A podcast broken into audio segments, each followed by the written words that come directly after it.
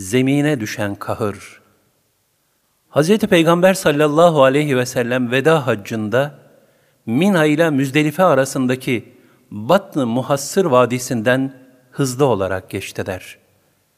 Sahabi hayretle sordu. Ey Allah'ın Resulü, ne hal oldu ki süratlendiniz? Hazreti Peygamber sallallahu aleyhi ve sellem, Cenab-ı Hak bu mevkide ebabil kuşlarını göndererek, Ebrehe'nin fil ordusunu helak etmişti. O kahırdan bir hisse gelmesin diye hızlandım buyurdular. Nitekim haçta bu mahalde vakfe yoktur.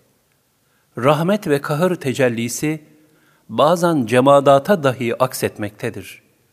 Rahmetin tecelli ettiği Kabe, mescitler, salihlerin meclisleri gibi mekanlardan istifade etmelidir.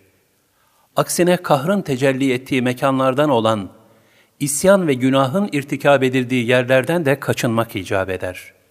Cemadat da cezb ve incizap kanununa tabidir.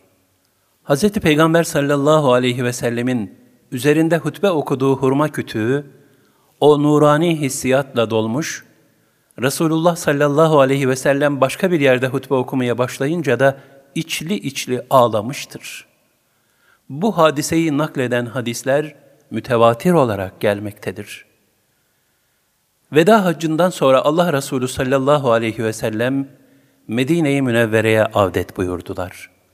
Ancak Cenab-ı Hak nimetini tamamlamış ve din ikmal edilmiş olduğundan artık en büyük firkat ve vuslatın vakti gelmişti.''